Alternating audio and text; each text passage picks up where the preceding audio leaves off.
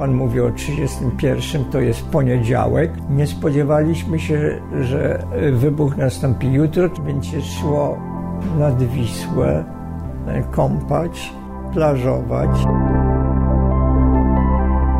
To był piasek, koce. Po stronie praskiej można było plażować, natomiast po stronie lewobrzeżnej Warszawy to już było to uregulowane, tam statki przybijały.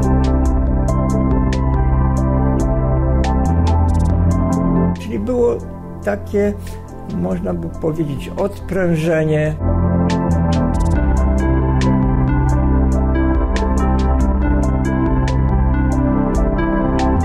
Chęć wypoczęcia, wykąpania się, przygotowania się na to, co ma nastąpić.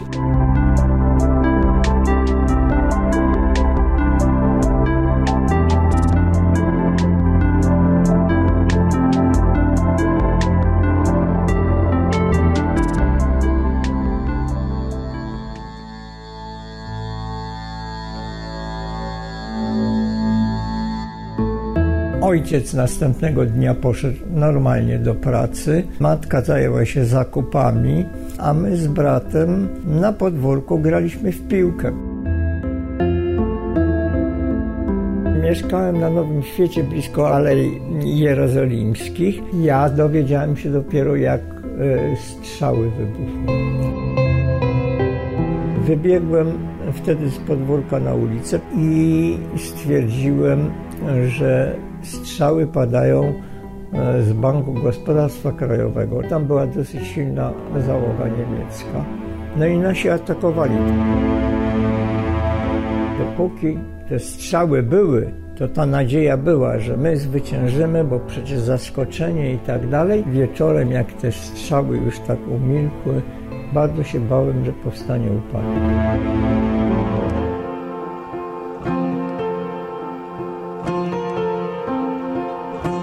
Rano na Nowym Świecie zobaczyliśmy żołnierzy Armii Krajowej. Młodzi ludzie w butach oficerskich z opaskami na rękach i jakimiś pistoletami przesuwali się pod ścianami domów.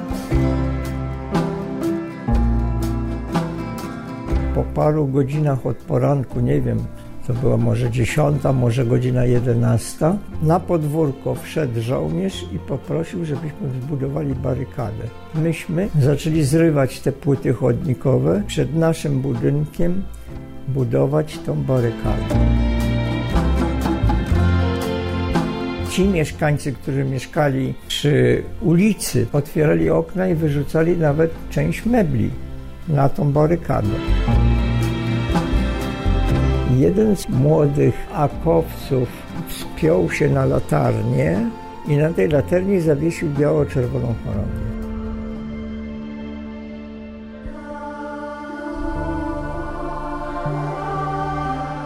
Od strony placu Trzech Krzyży pokazał się czołg, który zaczął strzelać. Myśmy zaczęli uciekać do bram. Wtedy w kamienicy obok zostałem pierwszą ofiarę. To była pani, która miała dwoje dzieci, trochę młodsze ode mnie, więc gdzieś miały tam 10, może 12 lat. Ona leżała, czekając na lekarza. Te dzieci płakały bardzo. I zamiast te dzieci pocieszać ją, to ona pocieszała te dzieci, że nie martwcie się, będzie Polska, wszystko będzie dobrze. No niestety lekarz później przyjechał, okazało się, że ona się wykrwawiła i ona później zmarła.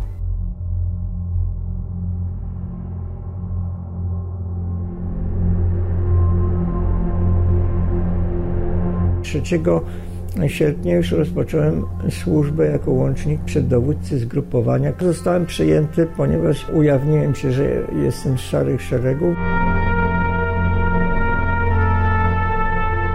Ja byłem w dzielnicy Powiśle. Ta dzielnica była dobrze zorganizowana. Były urzędy otwarte. Organizowano noclegi dla uciekinierów, stołówki, e, część sklepów była otwarta, e, rzemieślnicy wykonywali swoje, swoje prace.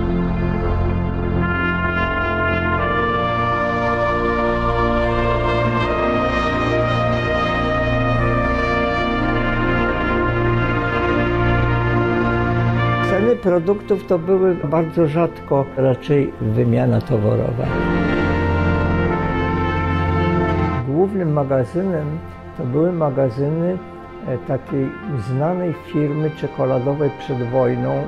Fuchs się nazywało. Przed wojną były dwie wielkie firmy, Wedel i Fuchs. Myśmy mieli tam olbrzymie ilości e, cukru, melasy, czekolady, cukierków. Ten oddział kwatermistrzowski, on organizował wymiany tego, co myśmy mieli u Fuchsa, na inne rzeczy potrzebne. Kaszę, e, smalec. Po porozumieniu z kwatermistrzem, na ze Śródmieścia, nocą e, przy pomocy jeńców niemieckich, których żeśmy mieli, oni nosili na przykład e, worki 25-kilowe tam cukru na plecach, przeprowadzali ich tam do Śródmieścia i była wymiana.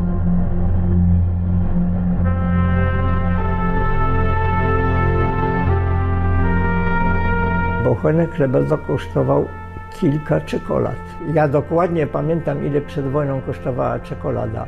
Tabliczka czekolady kosztowała złotówkę, to było bardzo dużo, a chleb można było za 20 parę groszy kupić.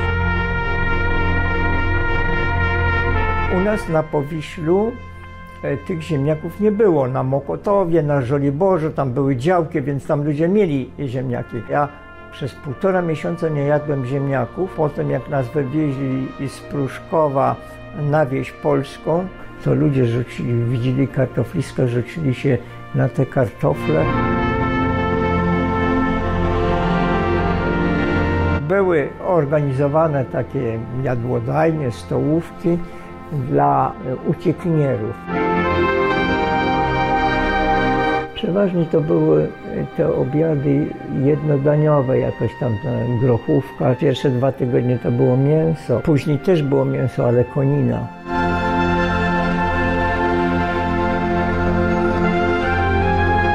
Nie pamiętam, żeby był głód. Pamiętam braki chleba i przede wszystkim kartofli.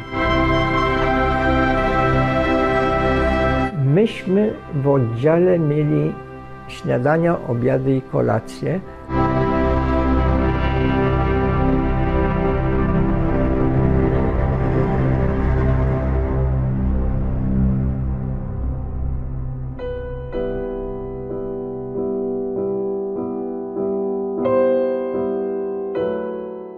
Ja po raz pierwszy z poważną muzyką się e, e, zapoznałem właśnie w okresie, e, w okresie Powstania Warszawskiego, dlatego że na tamcie jest taki Pałac Ostrowski, tam jest Muzeum Chopina do, dziś, do dnia dzisiejszego. Tam paru profesorów muzyki, paru kompozytorów też nie mogło się dostać do domu, tylko tam zostało, więc oni urządzali koncerty. Tam jakaś grupa aktorów, pamiętam tylko z literatów Brzechwę, że tam był u nas Brzechwa.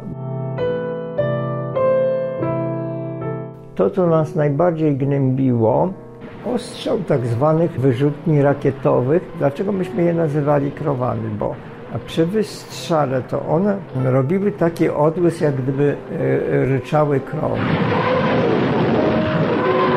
Ten ostrzał był prawie że codziennie, trzeba było bardzo uważać.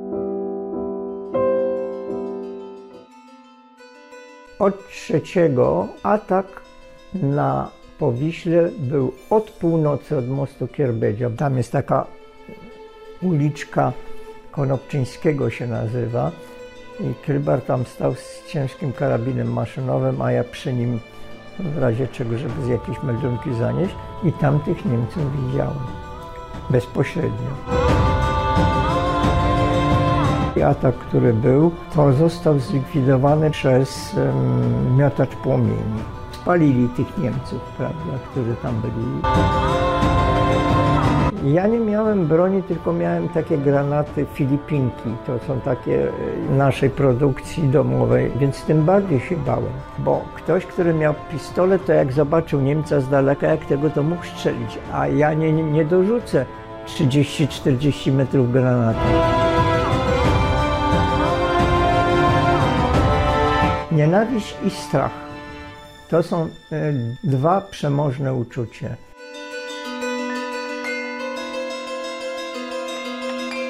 Wie pan, jak nieraz jestem tam z młodzieżą, czy tam e, jakiś odczyt mam, słyszy się te słowa, prawda? Bohater, bohater. Tam mowy nie było o bohaterstwie, tam było mowa tylko o nienawiści.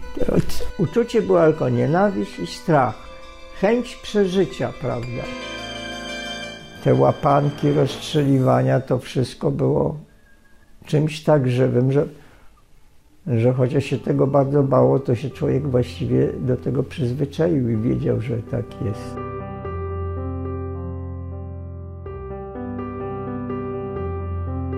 Ludzie w sposób spontaniczny e, stawiali figurki Matki Boskiej albo Pana Jezusa. Kupowano gdzieś tam w sklepie takie drewniane, prawda, stawiano.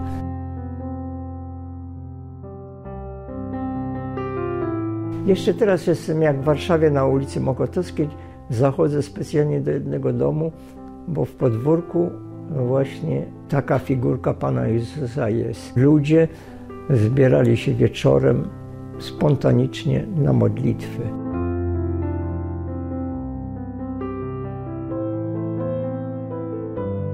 Msze święte to były najczęściej polowe. Ja nie pamiętam, żebym był w kościele jako takim. Z Muzeum Powstania Warszawskiego zdobyłem własne zdjęcie właśnie z tej mszy świętej.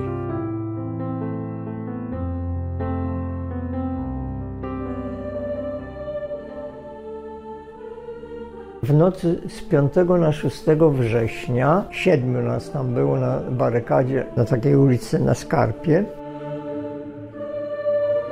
przy ulicy Drewnianej była szkoła i tam był szpital. Jak to wszystko zaczęło płonąć, to, to oczywiście syk tych palących się, to, to jest jednak szum. Przez to się przebijał głos ludzi ryczących, pających się żywcem. No. Ranni tam, którzy leżeli, nie mogli uciekać i jak byli podpaleni, to się żywcem palili.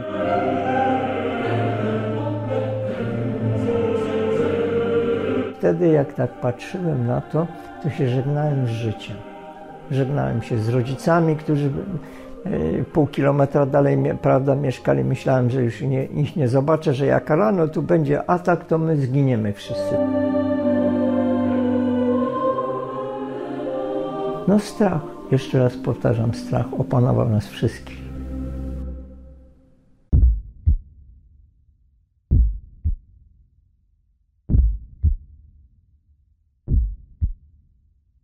Było bombardowanie Sztukasów. Sztukas rzucił bombę, która uderzyła w ten dom i zasypało nam całkowicie zejście do piwnicy. Nas odkopywali jakieś z dwie godziny. Przytomności nie straciłem, natomiast dusiłem się. Chusteczkę na, na twarz i przez, przez, przez tą chusteczkę oddychałem, bo było pełno pyłu. Po jakimś czasie żeśmy słyszeli odgłosy, to znaczy, że oni wiedzieli, że jednak tu żyją, są zasypani żywi ludzie. Nadlatują sztukasy. No wszyscy się chowają. Ulica jest pusta. To jest dziwna rzecz. Miasto pełno ludzi, ale ci ludzie są w piwnicach. Tu ulica pusta i człowiek się boi. Będąc zmęczonym, nie śpiąc poprzedniej nocy, prawda, będąc na barykadzie, pójść do domu się przespać dwie, trzy godziny. No ale matka mnie nie obudziła. Ja prosiłem ją, żeby mnie obudziła. Obudzili mnie dopiero rano Niemcy, którzy wkroczyli tam do tego budynku. I mieliśmy takie szczęście, że ten oddział niemiecki, który wkroczył do nas, to na, na szczęście nie byli nikt od Dirra Wangera, tylko to byli Węgrzy na służbie niemieckiej. Nie robili nam e, krzywdy. Najgorsze, że ten pierwszy moment, tak jak mówili ci, co uciekali, że w momencie, kiedy wdzierają się Niemcy, to, to strzelają do wszystkich, prawda, których, których widzą. Więc przed tymi wszystkimi blokami muzeum, to tam było z 5, 6, może 7 tysięcy ludzi. Puścili wybrzeżem kościuszkowskim do Karowej, e, Karową dalej do Leszna, e, do Pruszkowa. 7 września ja zakończyłem powstanie.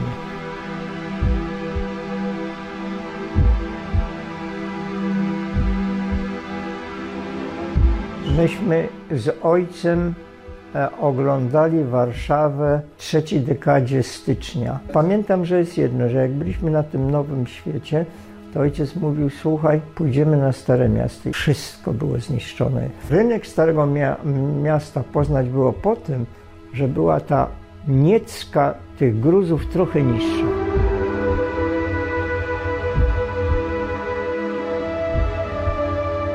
Jak dzisiaj jestem w Warszawie, to mi się nie chce wierzyć, że takie były ruiny.